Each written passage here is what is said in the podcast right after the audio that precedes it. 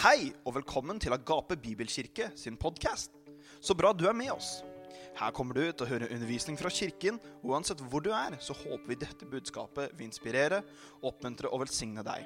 Men først, sjekk oss ut på Instagram, Facebook og på agapebibelkirke.no.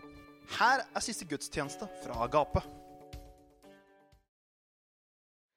Vi er i en serie som heter Back to Basics, og vi snakker om Guds natur. Og det her er så enormt viktig. Hvis du ser på samfunnet i dag, så er det faktisk veldig mange som lurer på hvem Gud er. Og faktisk, og de lurer på hvordan han er. Har du hørt mye rare meninger om hvordan Gud er? Jeg har hørt veldig mye rare meninger om hvordan Gud er. Men det som er så viktig, er at når vi finner ut hvem er Gud, hvordan er Gud Du vet, når jeg møtte Laura, så fant jeg ut ok, det er Laura. Men så ble jeg kjent med hvordan er Laura. Hvordan er hennes natur? Og så fant jeg ut hun er På utsiden så synes jeg hun er vakker og flott og fantastisk. Men når jeg ble kjent, men når jeg ble kjent på innsiden, så var det enda bedre. Og det er jo helt fantastisk. Og jeg ble jo stup forelska. Og det er noe med det at mer jeg ble kjent med Laura, desto mer forelska ble jeg. Og det er noe med det når vi blir kjent og er sammen med Gud, så får vi den intime, nære relasjonen med Han. Veldig mange vet ting om Gud, men de lever ikke i en nær relasjon med Han. Og Derfor er det så viktig eh, når vi snakker om hvem Gud er, og hvordan hans natur er. Jeg kan si det sånn, jeg skal si to ting. At når du virkelig forstår Guds natur, så det første det vil revolusjonere forholdet ditt med Gud. Nummer to det vil også gjøre at du ikke faller i fiendens uh, løgner. Du vet, Mange kristne noen ganger tror at de må gå imot djevelen på alt mulig. Flesteparten av gangene så tror jeg faktisk at de hadde bare holdt å vite hvem Gud er, og virkelig forstå hans natur. Så jeg skal gå litt inn i det i dag. Er du klar? Hvis du møter folk rundt i, uh, omkring, og så sier du at Gud er god, så sier de at hvis Gud er god, hvorfor skjer det her? Altså, det kan de dra opp. Det kan være katastrofe eller sult eller en eller andre. Og så er det Gud som får skylda. Eller så kan du si hvis Gud har kontroll, og at han regjerer ubestridt, hvorfor kommer det da sykdommer? Hvorfor kommer det da sånn og sånn? Og Da er det noen som har dratt den konklusjonen at Gud er i kontroll med alt. Derfor så styrer han også over det. At med mindre ingen blir friske om ikke Gud vil det, og ingen blir syke om ikke Gud vil det. Og dette er dessverre noen som tror. Og derfor det vil gjøre noe med ditt gudsbilde. Hvis du ikke vet om Gud vil like gjerne helbrede deg eller gi deg kreft, så gjør det veldig usikker på når du kommer inn for Gud. Da kan det nesten føles ut som når du går til Gud, så er det å møte den russiske rulett. At du kan hende du dør. Ja, men Jeg setter det litt på spissen her nå. Men dette er en teologi som dessverre fins der ute. Og jeg har hørt mye rart sånn her. Hvis noen har, har det noen gang vært kanskje i en sånn setting at de har sagt det, hvis noen har dødd, og det har vært en forferdelig ulykke, og så står de på talerstolen og så, står det noen og så sier de om Gud plukker de vakreste blomstene først for å pynte i himmelen. Har du hørt noe sånt bli sagt noen gang? Forferdelig. Og så er det Gud som får skylda. Tenk på det. Og det, det her forteller meg én ting. Nummer én de kjenner ikke Gud. Og de forstår heller ikke hvordan hans natur er. Du vet, I denne verden her så er det tre aktører. Hvis vi setter det litt sånn det er Gud, og så er det deg og meg, og så er det djevelen. Og Da går vi helt tilbake til begynnelsen, så vet vi det at djevelen gjorde opprør. Han ville ikke ha noe med det Gud har. Han er ond. Du vet, Ondskap er egentlig fravær av godhet, hvis du tenker på det helt sånn. Og, så står det i begynnelsen så gir Gud menneskene valget. Han gir dem råderett over verden. Og Derfor så får vi den situasjonen at det er tre aktører. Det er Gud, det er oss, og det er djevelen. Og Visste du at du har en fri vilje? Det er ikke sånn at Gud forutbestemte at du skulle ha på deg den skjorta i dag.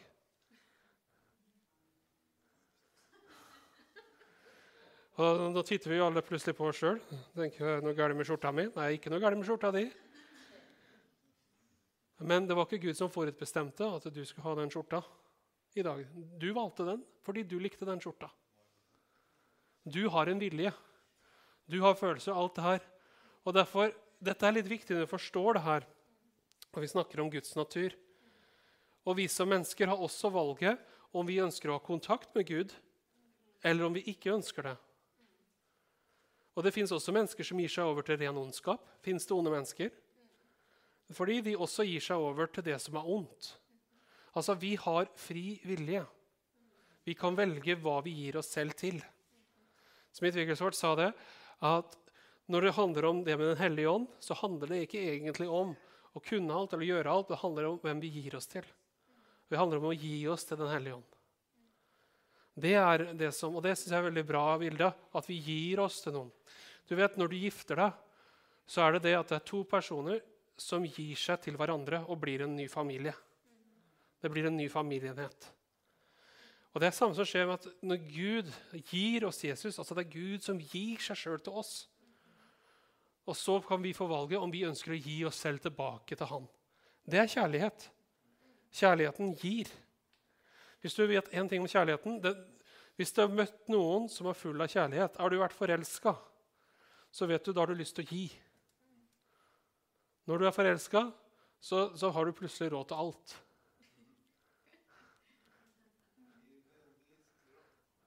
Så, og Når vi snakker om Guds natur, så vil jeg altså ta deg, jeg bare danner litt grunnlag for det her først. Men over hele verden så ser verden Gud gjennom sine kulturelle filtre. Så hvis vi drar til Vesten, her vi er, i Norge, Sverige, Tyskland, altså USA, altså vi som er i den vestlige verden, vi har en tendens til å se Gud som veldig opptatt av bare individet. Han ser oss kun som individer. Drar du til Asia og møter kinesiske kristne eller japanske eller koreanske kristne, det er veldig interessant, så er de veldig opptatt av at Gud ser dem som et kollektiv.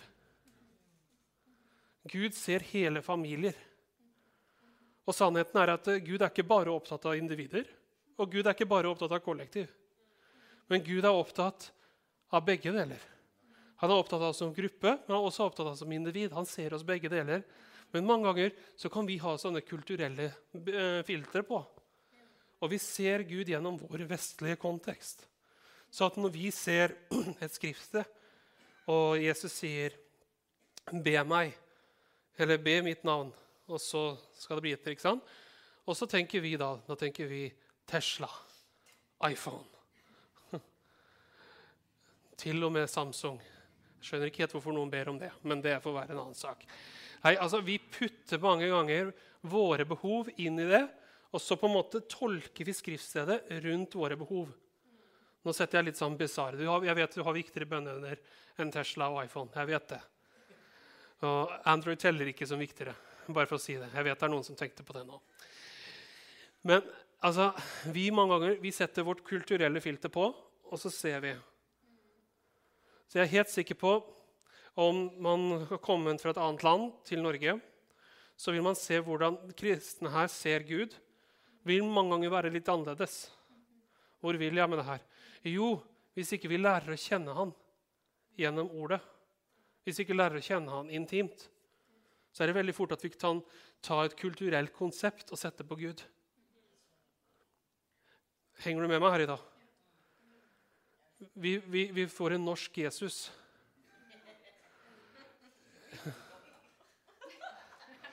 Som døde for alle. Så, ikke sant? Og Da ville nordmannen sagt 'til og med for svensker', og svenskene ville sagt altså, 'svensk Jesus døde til og med for nordmennene'. ikke sant? Så litt sånn. Men jeg, vil, jeg skal si deg noe veldig sjokkerende. Det er, er du klar? Hold deg fast. Hold, hold deg fast. Det her er kjempestor. Jesus hadde sannsynligvis ikke kritthvit hud, lyseblå øyne og blondt hår. Men likevel, i mye av kirkebildene så ser vi en Jesus som ser sånn ut og har blondt hår og blå øyne. Som var kommet på 1500-tallet. Eller 1000-tallet. Sannsynligvis så Jesus ut som en som kommer fra Midtøsten. Vet du hvorfor det? For han kom derfra. Det er veldig dypt. Bibelen er ikke så opptatt av farve eller noe sånt. Bibelen er opptatt av én ting. Det er deg og meg. Oss alle. Uansett hvem vi er, hvordan vi ser ut, hvor vi er fra. Du vet, I Russland så, under sovjettiden så var Gud kommunist. Jeg tuller ikke. Ortodokse kirken mente at Gud var kommunist. Møter du miljøbevegelsen, så sier de at Gud er den største miljøverneren. Møter du sosialdemokratene, så kommer de og sier ja, men vi og kristne har mye til felles, for Gud er også en slags sosialdemokrat, sier de. Og drar du til USA, så er Gud kapitalist. Sannheten er at Gud er verken miljøverner, kommunist, sosialist, kapitalist. Gud er Gud. Henger du med? Vi putter våre filtre på, og så kaller vi det kaller vi det Gud. At Gud er sånn. Vi tilegner Gud egenskaper som vi liker, og som appellerer til oss. Men vi snakker om Guds natur, hvordan Gud virkelig er. Og da må vi finne det i Hans ord. Vi finner det ikke i verden rundt oss. Det er ikke sånn at fordi at visse krefter nå i samfunnet mener at noen ting er greit som ikke var greit før og, Nei, Gud er fortsatt Gud. Han forandrer seg ikke. Vi forandrer oss. Men Gud er fortsatt samme. Og Det første jeg har lyst til å si her, Hva er Gud for noe? Hvis, det, hvis, jeg skal si det Jeg tror alle kan ta den her. Hvis jeg sier Gud er hva da? Hva ville du sagt? Kjærlighet.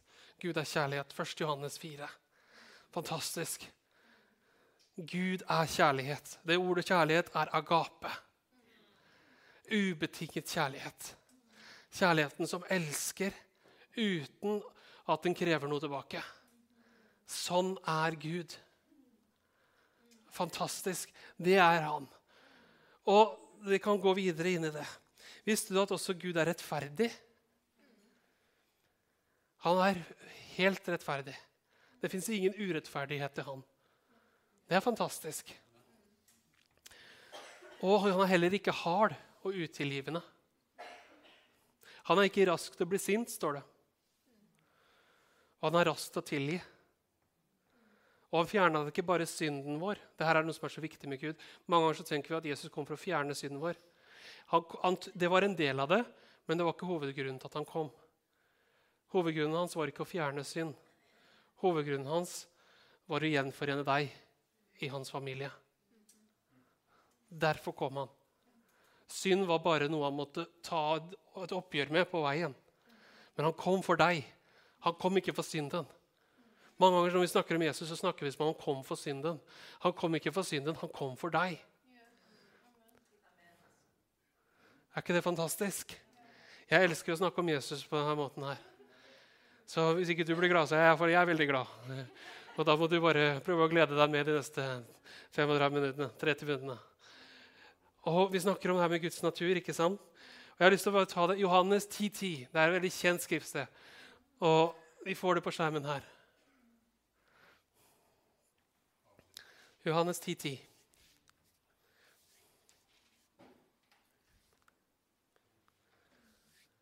Tyven kommer bare for å stjele, drepe og ødelegge. Det er det Jesus som sier. Så sier han, 'Jeg har kommet for at dere skal ha liv og overflod. Noen oversettelser sier også 'overflod av liv'. Overflod av liv. Så, ok, så det, Da vet vi litt mer om han. Vi kan også gå i Galaterbrevet 5, 22-23. Vi driver fortsatt og ser hva Bibelen sier om Gud her. Men så står det i Galaterbrevet 5, 22 og 23. Men åndens frukt er kjærlighet, glede, fred, tålmodighet, vennlighet, godhet, trofasthet, sakkmodighet og selvtukt. Dette er ikke loven imot. Det er, det er Paulus som direkte nevner dette er åndens frukt i våre liv. Men hvis det er åndens frukt, så er det også hvordan Gud er. Henger du med meg her? Dette, Gud er sånn. Han er kjærlighet, han er glede, han er fred. Og Jeg har lyst til å ta noe veldig kult og dele med deg her fra Gamle Testamentet. Men i Gamle Testamentet så presenterer Gud seg for Israel når han kommer, og hver gang så bruker han et nytt navn. Ikke hver gang, men mange ganger så kommer han med nye navn. For eksempel, han kommer til, eh, til eh, Israel i ørkenen, når de hadde blitt med kobberslanger og sånn. Så presenterer Gud seg 'Jeg er Herren helbrederen'. Eksempel. En annen gang så presenterer han seg og viser seg for seg, så sier han 'Jeg er Herren, deres banner'. Han som kommer, står her, så dere kan se. Presenterer Gud seg sånn. Og han sier det. Adonai Jehova, Herren er suveren. Så skal jeg se om jeg har hatt det riktig oversettelse. De skal si det noenlunde samme. Jeg tror ikke jeg fikk med 'Herren er suveren', faktisk. El Elion, Herren den høyeste. El Olam, den evige Gud. El Shaddai, det er kanskje noen av dere som kjenner til. Den Gud som er nok for sitt folks behov. Jehova Elohim, den evige skaper. Jehova Jireh, Herren vår forsørger. Jehova Nessi, Herren vårt banner eller vår stridsmann. Jehova Ref, eh, Refeka, eller Jehova Rafa, som også sies en del. Herren vår helbreder. Jehova Shalom, Herren vår fred. Jehova eh, Sidkenu, Herren vår rettferdighet. Jehova Mekadishkem, Herren vår helliggjører. Jehova Sabbat, Herren som er vår herre over herskarene. Jehova Shammah, Herren er her. Jehova Rohi, Herren vår hyrde. Jehova Hosenu, Herren vår skaper. Jehova Elohenu, Herren vår Gud. Disse navnene introduserer Gud seg til Israel i Det gamle testamentet. Og hvorfor gjør han det? For å fortelle dette er den jeg er. Han introduserer seg for folket og sier Legg merke til ikke ett sted står det 'Herren sykdomsgiveren' eller 'Herren den harde', 'Herren den sinte' eller 'Herren den grusomme'. Ingen av disse blir nevnt her. Men hva han introduserer seg når israelsfolket sliter med sykdom, så kommer han 'Jeg er Herren, deres helbreder'. Hver gang du ser det er veldig fantastisk, Israel har et behov, så kommer Gud og introduserer seg og sier 'Jeg er den løsningen på deres behov'. Da de var under og de var angrepet av fiender, så kommer han 'Jeg er Herren, deres stridsmann'. Presenterer seg for Josfa når de skal inn i landet. 'Jeg er Herren som kjemper for dere'. Dette er ganske fantastisk å se. Og du skal Jeg trenger ikke å høre på meg sjøl. Så dette er, Bare hold det bildet her litt. Vi skal ikke på neste. Og dette her er alt hva Gud introduserer seg som i Gamle testamentet. Så skal jeg ta dere til et annet skriftsted til før vi fortsetter. Vi skal til Johannes evangelium, kapittel 14. Der tror jeg mange av dere kjenner hva som blir sagt der. I vers 6 blant annet, så sier han 'Jeg er veien, sannheten og livet'. Ingen kommer til Faderen uten meg.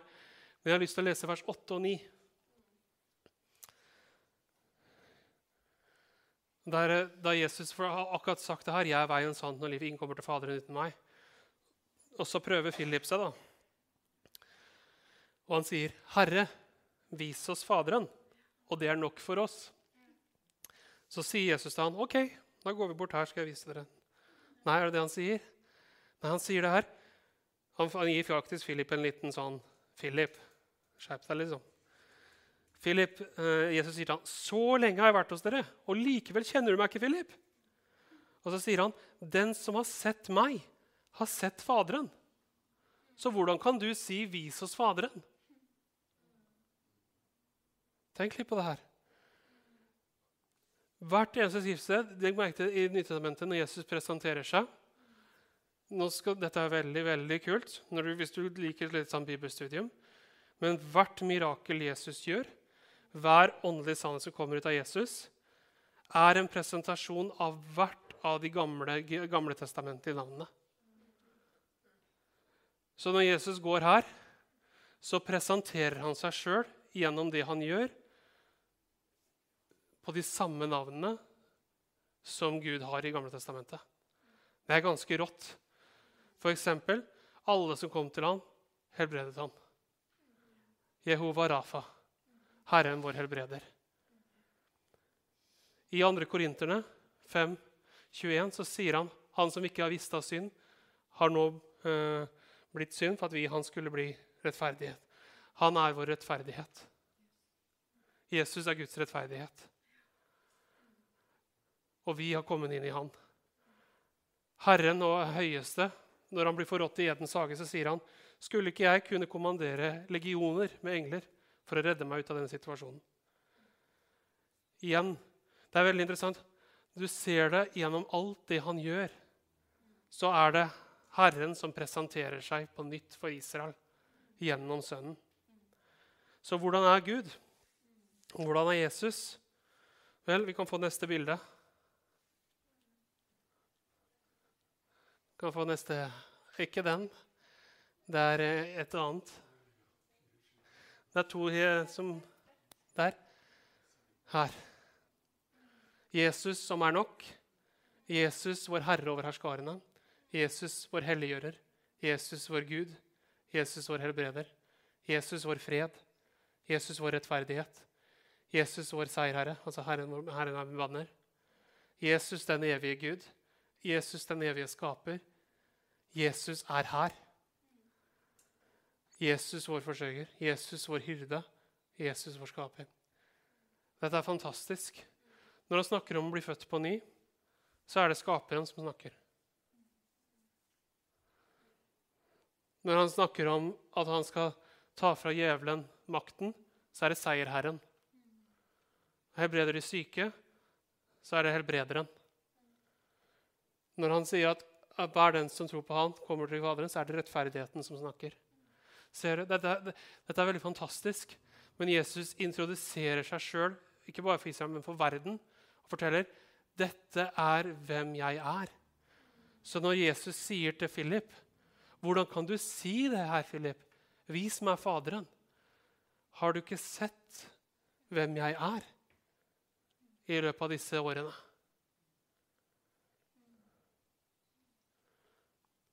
Det er ganske fantastisk. Du kan se det i Matteus særlig. og tas opp en del, eh, Så ser du at Matteus knytter skriftsteder til alt Jesus gjør, som Messias. Men Johannes knytter det sammen med hvordan det er Gud selv som kommer. Og det er ganske mind-blowing. F.eks. at Jesus er Herren når han sier 'Jeg har all makt i himmel og på jord'. Gå derfor ut. Når Jesus er den høyeste, så kan vi lese om det i Efeser 1, at han har, satt, han har satt seg ved Faderens høyre hånd.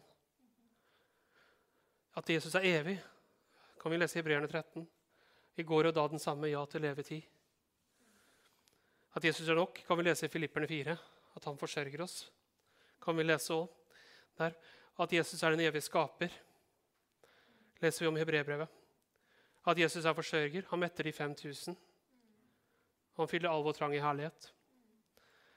I, at vår stridsmann, at han avvæpnet djevelen. At han har helbredet alle de syke. At Jesus er vår fred.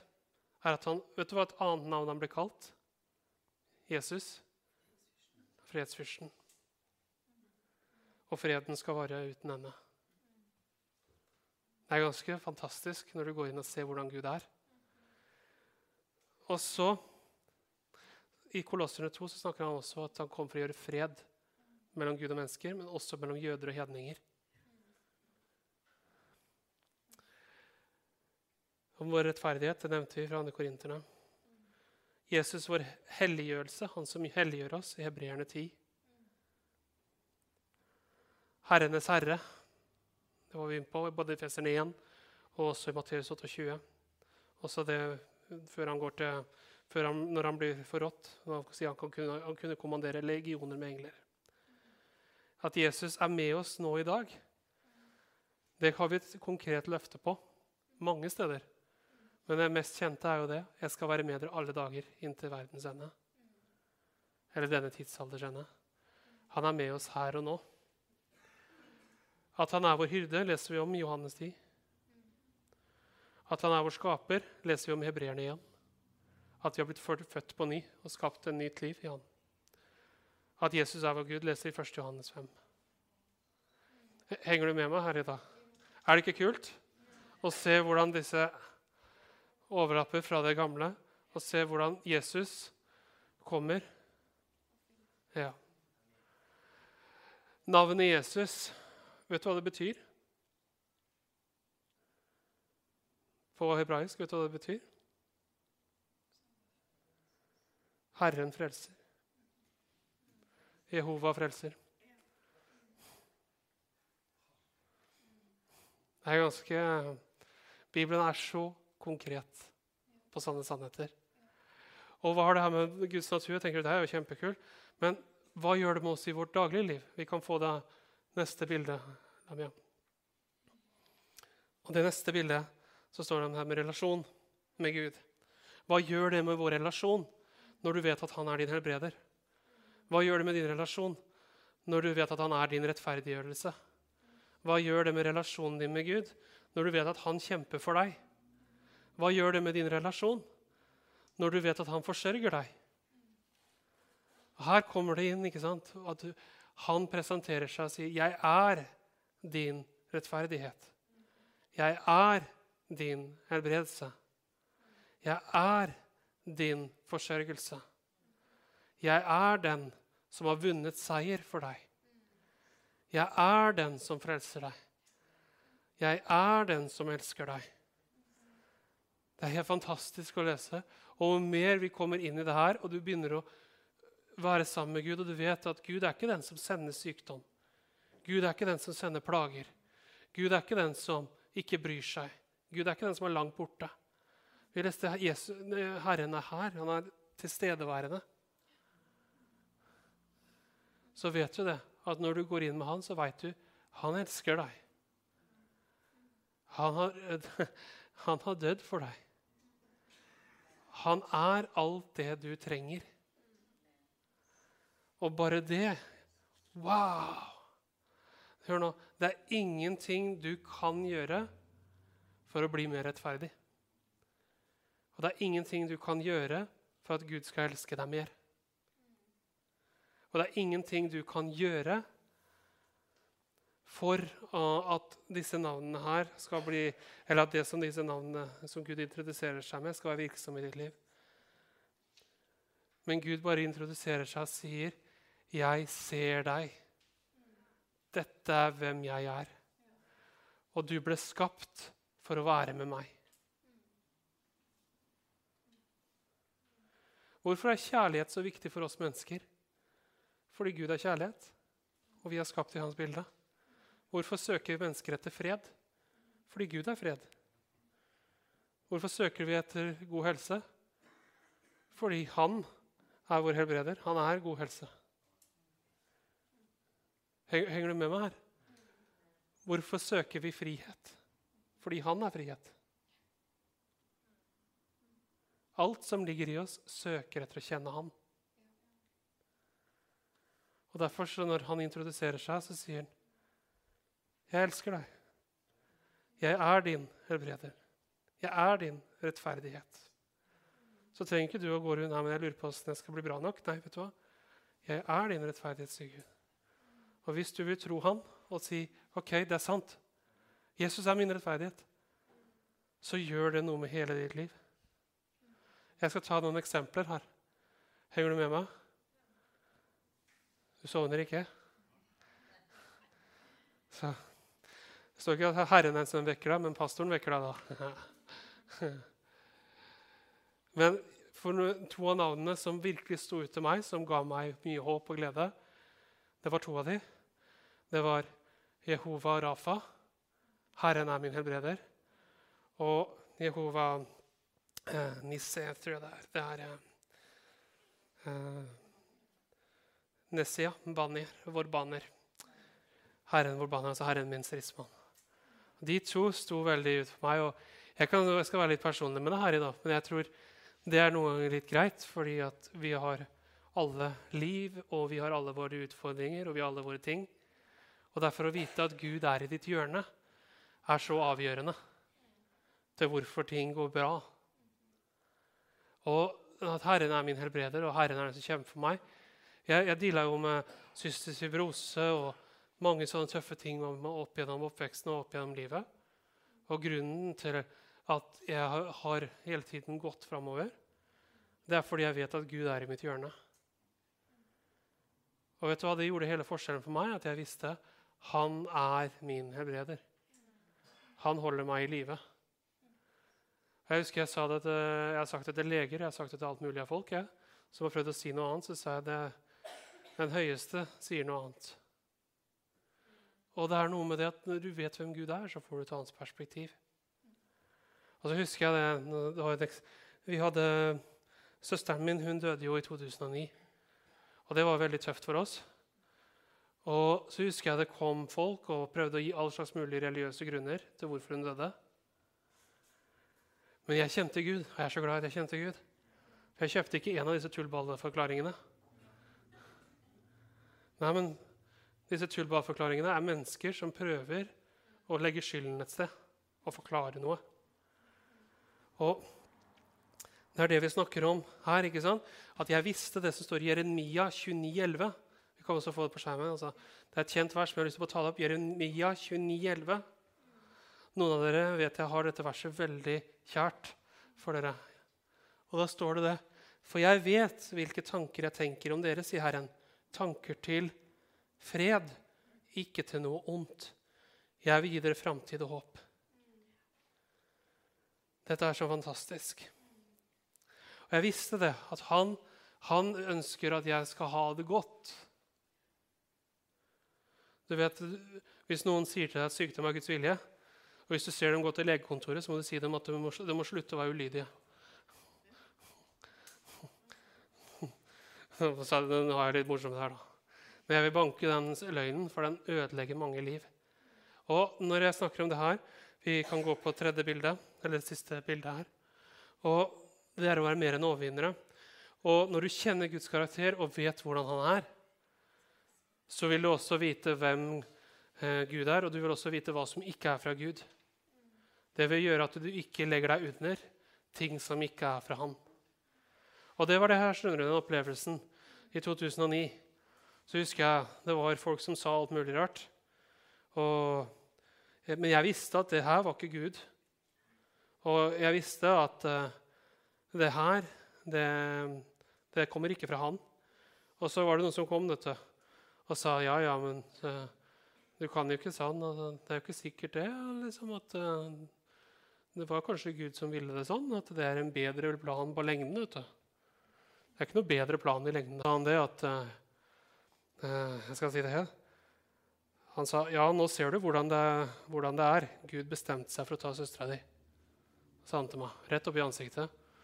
Og da bare kom en spontan respons ut av meg. Og jeg tenkte ikke hva jeg sa, men jeg sa, 'Han du kaller Gud, er han jeg kaller djevelen'. Og da Han har aldri snakka til meg etter det. men det er helt greit. Det gjør ingenting. Men hør det er folk der ute som ikke kjenner Gud, som ljuger fordi de er bundet av en løgn. Det er ikke noe mot dem i hele tatt. Men søpla deres trenger ikke jeg ta inn i mitt liv. Skjønner du hva jeg mener? Og folk kommer til deg. Jeg sier ikke det her for å ta dem. ikke helt tatt. Vet du hva? Jeg skulle ønske at de virkelig ble fri fra det tullet der. At de virkelig kunne lære seg å kjenne Gud sånn som han er. Ikke sant? Midt i alt det der. Jeg opplevde å se søsteren min i himmelen jeg, to uker etterpå. Hvis jeg var så fryktelig på feil vei, så hadde jeg ikke gjort det. Jeg tror, de har jo ikke sett noen i himmelen, så vidt jeg vet. De har nok med seg sjøl. Nå, nå, er jeg litt skarp her, altså, men dette er hva menneskelig tull gjør med mennesker. Vi må kjenne Gud som han er. Og jeg husker midt i all den tiden hvordan Gud var nærværende. Og jeg visste at det var ikke Guds plan for henne at det ble sånn. Og Har jeg alle svar på hvorfor det ble sånn? Nei, jeg har ikke det. For jeg vet ikke alt. Men én ting vet jeg, at Guds vilje for henne var å leve. Og akkurat som jeg visste for mitt liv, at Guds vilje for meg var å leve. Og jeg kom, så var det en forkynner jeg aldri hadde møtt før, som kom opp til meg og sa så sier Gud, Han kjente meg ikke, han syntes det var ganske heftig. Og han sa til meg du skal leve et langt liv. sa han til meg. Og du skal tjene meg. Det sier Gud til deg da. Og det var mer rundt det. jeg trenger ikke å si alt. Men han har aldri møtt meg før. Og jeg bare, Det var akkurat den tiden. Og du vet, Gud bare, det var akkurat som alt dette tullballet fra de folka. Så kommer Gud og bare Du skal leve. Du skal leve. Min vilje for deg er at du skal leve. Denne mannen visste ikke min situasjon i hele tatt. Har aldri møtt meg før. Og det her er en situasjon. Gud vil at du skal leve. Gud vil at du skal ha rettferdig. Gud vil at du skal ha forsørget. Gud vil at du skal ha det godt. Ikke la noen få lov til å så tvil om hvem Gud er i ditt liv. Hører du? Dette er så viktig. Så når Gud har gitt, når Guds ord sier noe, du har lært deg å kjenne Han, og når fienden kommer mot deg, og du sier at 'Det er ikke sikkert dette går bra' Kanskje må sikte litt lavere. Det er ikke sikkert Gud vil høre det. Yeah. Så si jeg, jeg kjenner lukta di. Dra tilbake der du kom fra. Du har ingenting med meg å gjøre.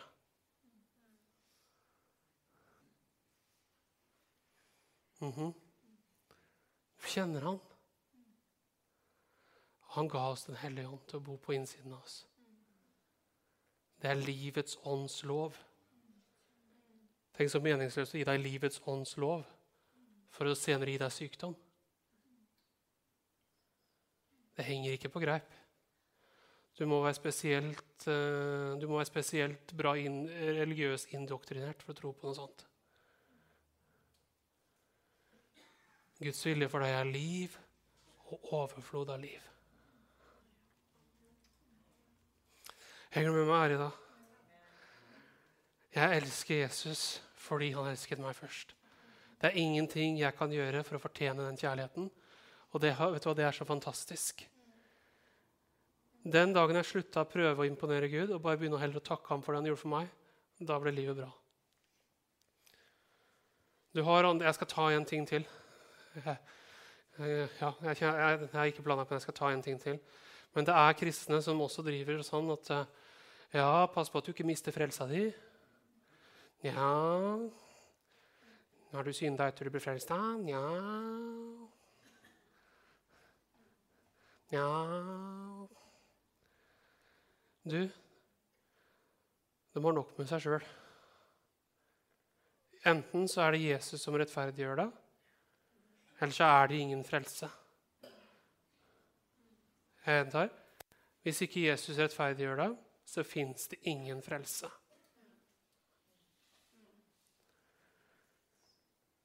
Det er ikke sånn at du blir frelst av nåde, og så skal du klare deg på gjerninger. Dette er en løgn som sår tvil om Guds natur. Det er akkurat som Gud lurer deg inn, og så legger han byrder på deg når du har kommet inn. Hallo! Det er ikke meningen at du skal leve uten han. Det er ikke meningen at du skal leve for å imponere han. Det er meningen at du skal leve sammen med han. I en relasjon. Han elsker deg. Og når hans kjærlighet og alt han er, er nok for deg, så vil du fungere i tjeneste. Ikke fordi du presterer, men fordi han virker gjennom deg. Jesus sa det her. Han kom ikke og sa 'Jeg er ypperste apostel, Jesus Kristus'. 'Jeg er her for å forkynne på synagogen i dag'. Nei, han sa ikke det. Han kom. 'Jeg sier det for Faderen har bedt meg si'. Han var opptatt av relasjonen med sin far Han var opptatt av å møte mennesker der de var. Samme måte. Jeg setter litt, litt på spissen, for vi har noen ganger disse bildene litt at vi er frelst, men nå skal vi virkelig gi inn. Liksom. Nei, hør nå. Du klarte ikke å frelse deg sjøl. Du klarer heller ikke å få deg sjøl til å fungere i alt det som Gud vil.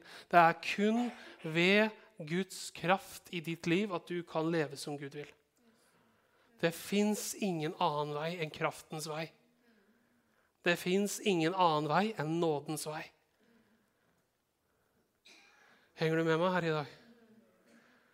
Dette er så viktig, for du vet at om vi gjør feil, så vet vi at Gud elsker oss. Om vi noen gang går feil i livet og faller på feil plass, så vet vi at han er vår rettferdiggjører. Det er ikke så at du må gjemme deg fra menigheten i flere uker.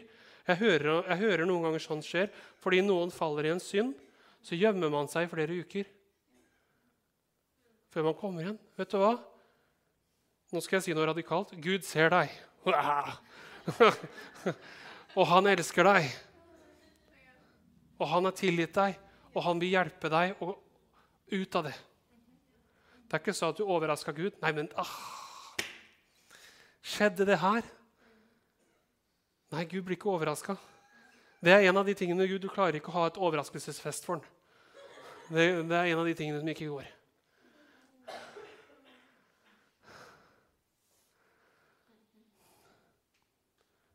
Henger du med? Så bygg relasjonen sånn. Og gjør som det står i Efeserne 5,11. Ta ikke del i mørkets ufruktbare gjerninger, men avslør dem heller. Avslør alt det som ikke kommer fra Han. Ikke bruk tiden din, tankene dine og livet ditt på ting som ikke gir deg noe fra Gud. Amen. Han, han er den han er. Jeg skjønner hvorfor han introduserte seg til Moses. Så sa han bare jeg er banner, jeg er skaperen, jeg er her, jeg er hyrde. Altså, han hadde jo holdt på. Så Gud bare sier, 'Jeg er den jeg er'. Og Det står om noen av gangene, En av gangene jødene ville steine Jesus, det er når Jesus sier 'Jeg er den jeg er'. Han sier akkurat det samme som Gud sier til Moses, og da får jødene Jeg syns det er så fantastisk. Så kanskje du trenger å gå inn i relasjonen i dag og bare be Gud og si takk, Gud, at du er min rettferdighet, at du har tilgitt meg, at du har forløst meg, at jeg er tilgitt. Jeg trenger ikke å slite med dårlig samvittighet. Jeg trenger ikke å slite med disse tingene. Takk, Jesus, at du er min helbreder. Det er ikke din vilje at jeg skal være syk. Det er ikke du som har kastet dette på meg. Det er din vilje at, skal, at jeg skal være frisk. Det, det er din vilje at jeg ikke skal slite meg gjennom livet, men at du har velsignet meg til å være en velsignelse. Henger du med meg her i dag? Jeg vet dette er en ny tankemåte hvis du ikke har vært borti dette før. Men du må ta Gud som han er. Og han er alt dette. Tusen takk for at du var med oss i dag. Vi vil gjerne høre fra deg og vite hvordan vi kan be for deg. Ta kontakt med oss enten via sosiale medier eller på nettsidene våre, så håper vi at vi ses ganske snart.